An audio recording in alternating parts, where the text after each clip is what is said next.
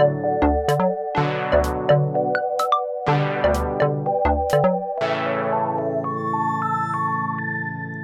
og velkommen til fjerde episode av Kalkulus med Anne og gjengen.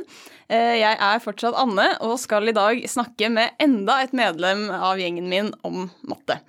Det vi skal snakke om i dag, er et tema som man kanskje kan si ligger i kjernen av eh, kalkulus, og det er kontinuerlige funksjoner. Den i gjengen min jeg skal snakke med dette om, er Jon Christian Ottem. Velkommen. Takk, takk. Eh, Kan ikke du fortelle litt om deg selv? Um, jo, mitt navn er ja, Jon Christian Ottem. Jeg er professor i matematikk. Og jeg har jobbet eh, her på UiO siden eh, 2016. Og før det var jeg i England, eh, der jeg studerte. Um, nå lærte jeg faktisk kalkulus av Tom Lindstrøm. Og så skrev jeg prosjektarbeid med Arne B. Og jeg var masterstudenten til Christian Ranestad, så jeg føler meg ganske eh, hjemme i gjengen. det er jo eh, alle de tre jeg har eh, snakket med hittil. Ja, god stemning. Perfekt. Men ditt, altså ditt forhold til kalkulus, går det an å Har du noe sånn Hvordan Når lærte du det, eller hva? Jeg lærte vel egentlig kalkulus på videregående. Jeg syntes det var veldig gøy å finne ut om um, ting med funksjoner og ja, arealer og stigningstall og sånn. Um, spesielt rekketeorien syns jeg var veldig morsom. Um, det var på en måte en sånn ny klasse med funksjoner jeg kunne jobbe med, og så var det spennende anmeldelser til uh, kombinatorikk og tallteori og sånn. Mm. Um, så jeg syns generelt at kalkulus er veldig gøy og vakkert. For matematikere er det kanskje litt sånn springbrett til andre matematiske felter, men det er lett å glemme liksom hvor ekstremt nyttig kalkulus er, da, og liksom overalt uh, i, i det mennesket driver med. Um, så det er kanskje egentlig- en av de beste oppfinnelsene mennesker har, har gjort, da. uh, Oi, oi, oi. Ja. Det var eh, så stort. Ja. Stort å melde. Eh, gøy. Ok. Men det, kan vi ikke bare begynne med det med temaet i dag, da? Kan du på en måte forklare Altså hvis det er jo kontinuitet det er jo kontinuitet eller kontinuerlige funksjoner vi skal snakke om. Hva, hva betyr det at en funksjon er kontinuerlig? Ok, så la oss bare se på en funksjon i én variabel, da, eh, x. Så f er en regel som tar inn ett tall, x, og gir et nytt eh, tall, y. Mm, sånn helt sånn vanlig, sånn som vi egentlig er vant til sånn når vi tegner en graf Akkurat. i et koordinatsystem. Ja. Så en kontinuerlig funksjon det er bare en, en som har eh, de intuitive egenskapene da, fra en sånn graf. Så eh, en kontinuerlig funksjon det er en eh, funksjon der hvor en liten endring i x-verdiene gir en liten endring i y-verdiene. Med andre ord, hvis du øker x med en tusendel, så skal du ikke få noe sånn overraskende hopp da, i y-verdiene. Men nå tenker jo jeg at alle de funksjonene jeg egentlig kjenner da, fra videregående og sånn, hvis man bare tegner den grafen til en funksjon, den oppfyller vel det. Altså, den er helt sånn Den er sammenhengende, og du kan tegne den ved å Altså, vi er vant til at en kontinuerlig funksjon er den man får hvis man bare kan tegne den uten å løfte blyanten. Hmm. Er det Altså, passer det inn i den definisjonen der? Eller hvordan passer den inn? Ja, det er uh, ikke feil eh, definisjon, det. Um, det er en veldig god intuisjon, akkurat det der med løfte grafen Nei, løfte um, blyanten. Um, men den er på en måte litt um, eh, begrenset, da. Altså den passer veldig godt, som du sier, på funksjoner som man møter på videregående, som x-an eller sinus x. Men den er ikke liksom helt presis nok til å måte dekke alle funksjoner man ønsker. da. Så det, For eksempel altså, finnes det mange funksjoner som er kontinuerlige, men de kan ikke tegnes eh, i det hele tatt. da. Du kan, ja. se, du kan se for deg en funksjon som svinger på en måte fortere og fortere og fortere. Til slutt Den Altså svinger som med at den går, den går opp og ned, Ja. på en måte, da. ja altså, For kanskje- eksempel om x-aksen, at den går opp og ned. Ja, kjempefort, da. Altså fortere og fortere, da. Sånn at uh, hvis du skal prøve å tegne en, så trenger du sånn uendelig mye blekk, da. Ja. Så, sånne funksjoner eh, er jo på en måte noe vi kan lett forestille oss, men hvis du skulle på en måte brukt din definisjon av kontinuitet, da, så Ja. ville du ikke på en måte vært eh, i stand til å Den kan ikke den. tegnes, så derfor kan jeg ikke Nei. bruke tegnedefinisjonen, på en måte. Så denne vanlige definisjonen av kontinuitet, den på en måte uh, gjelder også for de andre eh, som er mer um, Altså den gjelder for flere funksjoner, rett og slett. Men altså, fordi du sa altså De funksjonsverdiene skal ligge ved siden av hverandre. Altså, eller har du et eksempel på en funksjon som ikke er kontinuerlig, da? Ja, altså vi kan kanskje lage en funksjon som eh, For negative verdier så tar den eh, verdien minus én.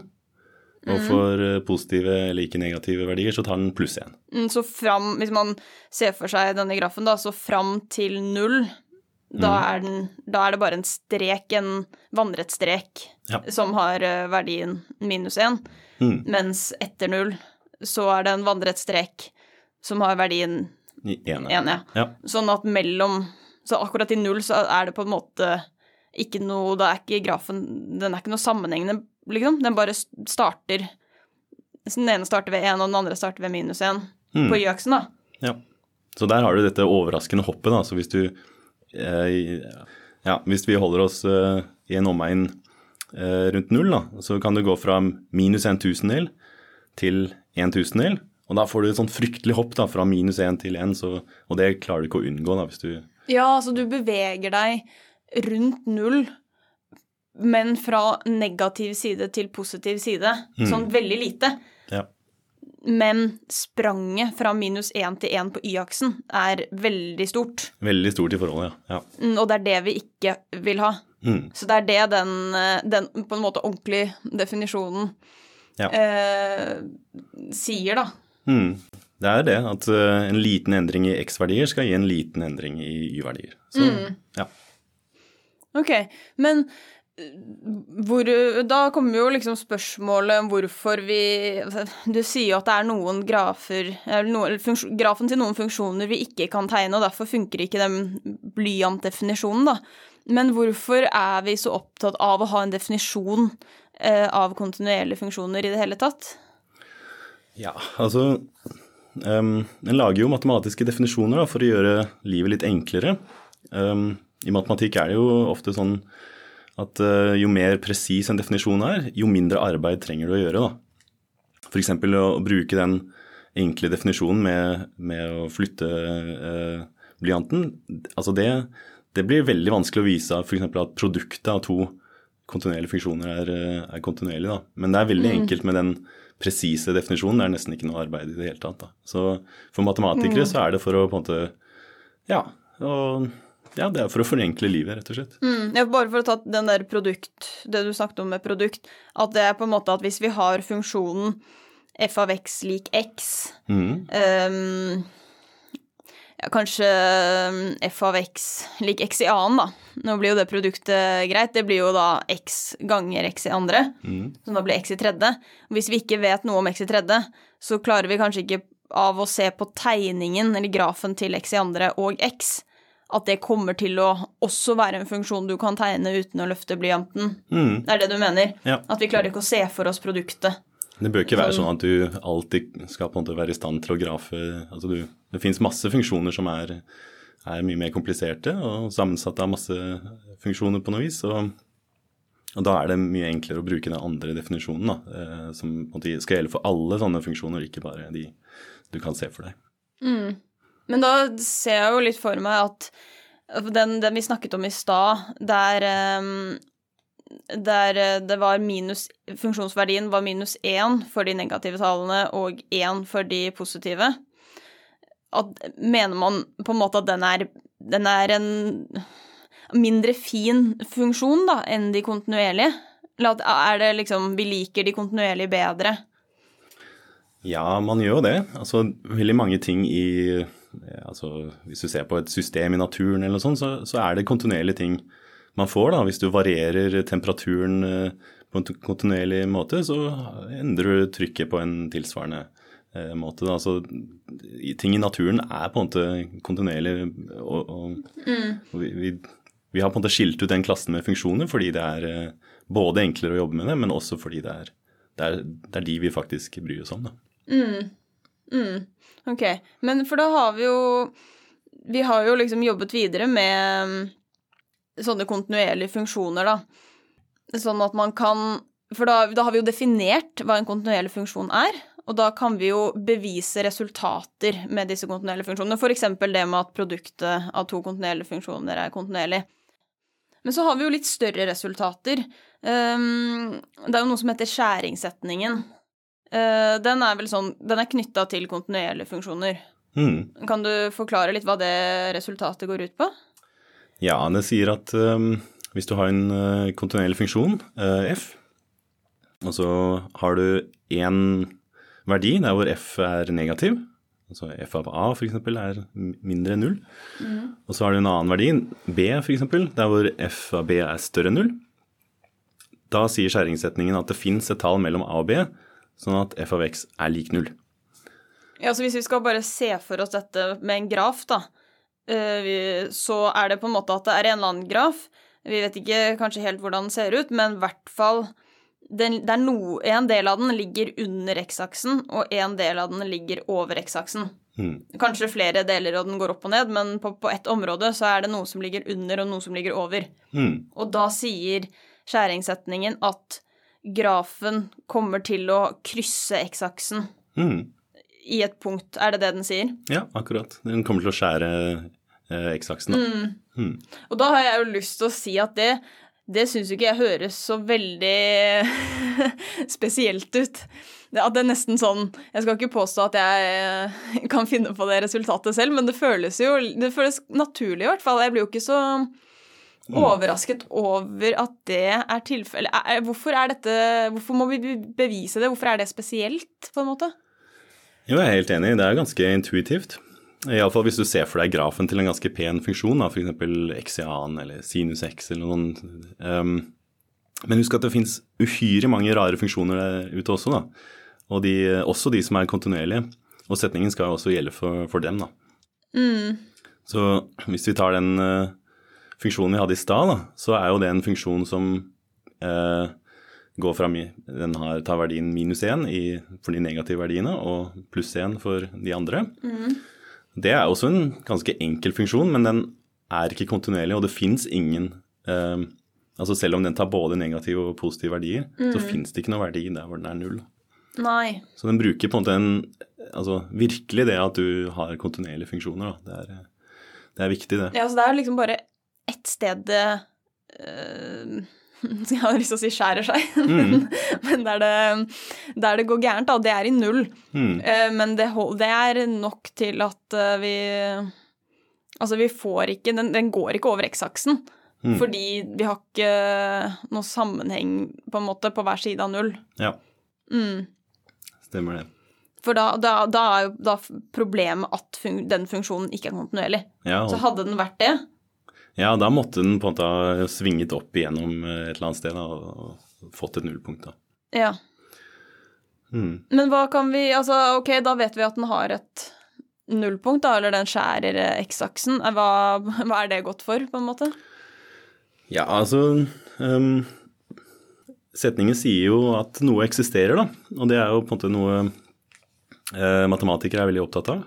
Og det er jo litt sånn til forskjell fra hva man vanligvis eh, møter på videregående, f.eks. Der hvor man kanskje får en ligning, og så blir man bedt om å liksom finne løsningen eller svaret på en, eh, en ligning. Men eh, her er det et utsagn som er sånn at, at det eneste vi kan slutte, er at det fins én. Og av og til så er det på en måte nok da, for å på en måte ja, ja, det Av og til ligninger er, er så kompliserte da, at de ikke Ja. kan løses, og, og da er vi likevel fornøyde med at vi vet at den eksisterer. Da. Ja, for det er ikke sikkert vi klarer å finne det tallet som den, som den skjærer, eller som er det, det skjæringspunktet, da. Hmm. Men vi vet at det fins på grunn av det resultatet, Hmm. og det holder for oss, på en måte. Ja. Så et, et eksempel er um, uh, ja, Hvis vi går tilbake til Nils Henrik Abel, da. Så en ting han er veldig kjent for, er at han viste at det ikke finnes noen generell formel da, for å løse femtegradsligninger. Og ja, det er sånn kjempekjent i norsk matematikk, da. Men eh, ok, så selv om det ikke finnes noen formel, så kan vi iallfall vise at det eksisterer en løsning, da. Det er noe annet. Ja. Så eksempel eh, hvis vi tar et femtegradspolynom, som så x i femte minus x pluss 1 eller et eller annet sånt. Det eneste som er viktig her, er at det er x i femte, og at det er eh, et oddetall. da. Ja, ja, at fem, det det x er opphøyd i, er eh, et oddetall. Mhm. Det første x i det første, eller det største. Mm. Det største tallet x er opphøyd i. Så i og med at det står eh, x i femte først, Mm. hvis du tar x til å være kjempe, kjempestor, da, så vil det her bli positivt, da, fordi x i femte vil være det største. Altså x, x er en million, ja, noe sånn. En Mm. million i femte er eh, mye større enn de andre eh, leddene, da, typisk. Ja, i de andre leddene i x i femte minus Minus x pluss 1. Ja. Ja. Det samme gjelder jo hvis du tar veldig negative, da. Altså hvis du tar minus en million. Mm. Da vil det alltid være sånn at eh, den x i femte er på en måte dominerende her, men nå får du på en måte motsatt fortegn, da. Mm. Og da får du minus en million i femte, da, som ville være negativ. Så her er det sånn at du har en annen graf da, som um, vil gå fra minus uendelig og så opp til uendelig når du øker x. da.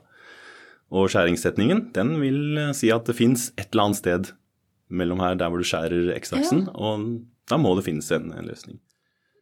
Ja, altså det er, det, er ikke så, det er ikke så lett å finne løsningen, men den fins. Det er det, det vi får vite. Ja. Så andre, med andre ord så har vi gitt et raskt bevis for algebraens eh, fundamentalteorem da, for femtegradsligninger. Så det er jo Ja. noe. det er jo noe. Ja. Um, det med eksistens er jo ganske viktig da, for matematikere. Mm. Um, altså, det går jo tilbake til Pythagoras i eh, Hellas og sånn, uh, der hvor de var forferdet over å finne ut av um, altså at kvadratroten av to var et irrasjonalt tall. Oi, altså et tall som ikke kan skrives som en brøk, da. Ja, som Som da kalles rasjonale Mm. tall. Mm. Så i og med at det ikke var en brøk, så kunne man ikke på en måte konstruere den ved hjelp av rektangler og sånn, og det, de, de liksom visste ikke engang hvordan de skulle tenke på det tallet. da. Oi. Så det var en sånn hemmelighet i de pythagoraske sirkler, da, at man, at man visste da, at den var irrasjonal, men eh, det måtte man liksom ikke si, da. Oi. Men for oss så er det på en måte veldig lett å tenke på den kvadratroten av to, da, fordi man har jo eh, annen minus 2. Det er jo en ligning som vi kan vise har en løsning, da. Hvis vi gjør det samme, så x i annen minus 2 den vil ha en negativ verdi når x er lik null. Da får du null i annen minus 2. det er minus 2. Min, ja, det blir minus 2, ja. Og hvis vi setter inn eh, x lik 2, da, så får vi x eh, i annen, eh, altså 2 i annen, eh, minus 2. Det er da 4 minus 2, så det blir 2. Ja. Så et eller annet sted mellom 0 og 2 må det finnes et eller annet tall som eh, tilfredsstiller den ligningen, og da vet vi at kvadratroten av 2 eksisterer. Da. Så det, ja, reelle tallene er jo på en måte laget fra de altså brøkende rasjonale tall um, ved å fylle inn alle de der hullene. Så det er på en måte en ganske viktig um, ting å nevne her, da, at vi bruker egenskaper med de reelle tallene som gjør at man, man kan si at det eksisterer. Da. Um, Mm. Så på en måte sier at tallinja er full, da. På en Mm. måte. At hvis du, du kan finne en funksjon Eller det, ja, hvis du har en funksjon som Altså, den, den Der den skjærer, er det et tall ja. på tallinja, på en måte. Mm. Så det er tall overalt. Du klarer ikke å komme deg gjennom x-aksen uten å treffe et tall. Ja, nettopp. Så det er også, så det er både det at det er en kontinuerlig funksjon, men det er også det at vi bruker reelle tall, da, som er eh, vesentlig her. da. Ja. Det er, da, det er der skjæringssetningen eh, gjelder, når vi bruker eh, de reelle tallene. Mm. Mm. Og i retrospekt så kanskje man kan si til og med at man har definert ting, da, sånn at man skal få um, ting sånn som skjæringssetningen uh, til å holde. Da. At eh, man, man starter jo alltid med heltallene, og så de, ra- fra dem så lager man liksom rasjonale tall. Men så ser man at å ja, men de løser ikke liksom alle problemene, de, de brøkene. Så Nei. man på en måte fyller igjen alle de, de tallene mellom, sånn at uh, den her satsen her skal, Ja. skal være sann. Ja, vi, har, vi har lyst til den, at det skal være sant. Mm. Så det er egentlig ganske utrolig da, at man ved å bare fylle inn de tallene, så, så gjelder denne satsen her da for, for alle funksjoner, da, ikke bare de Ja.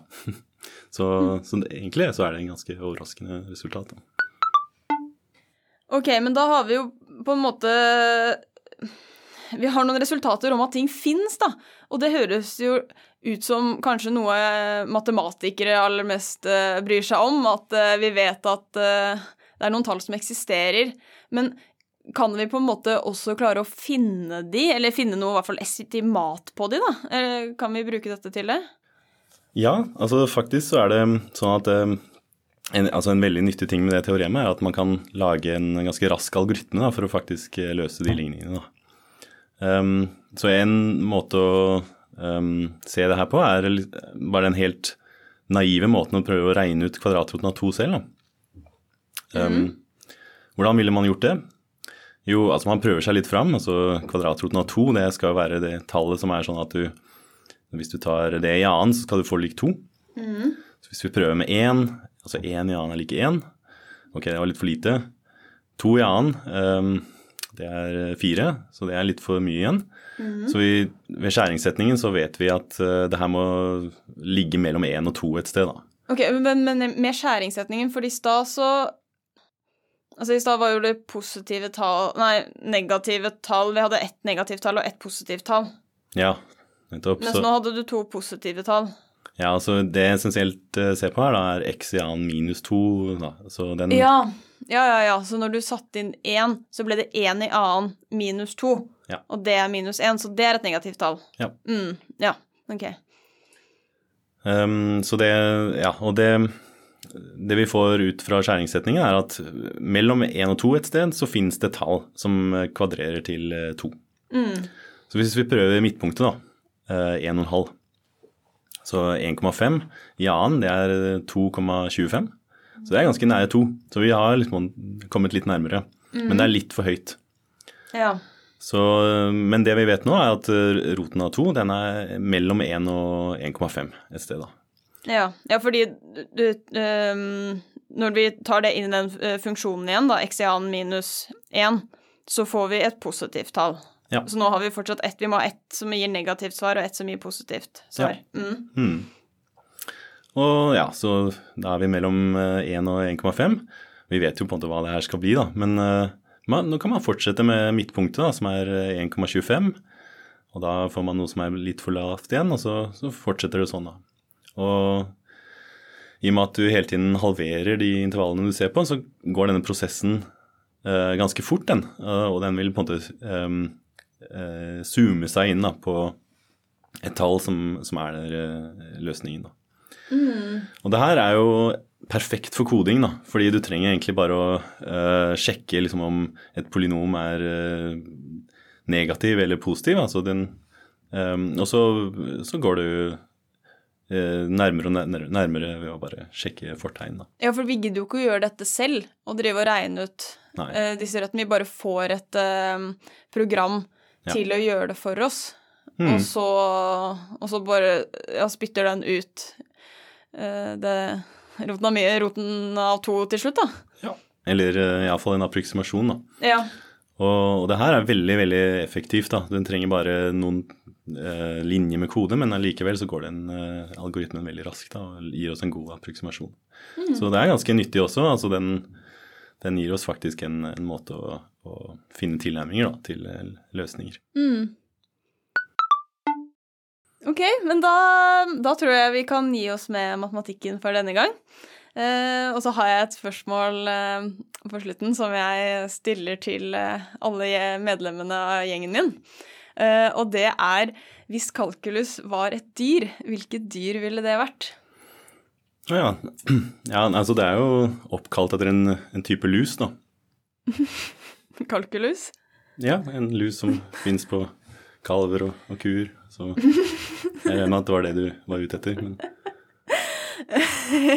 det er jo et utrolig godt poeng. Jeg har ikke tenkt på det Jeg har ikke tenkt på det selv, faktisk. Nei da, men uh ja.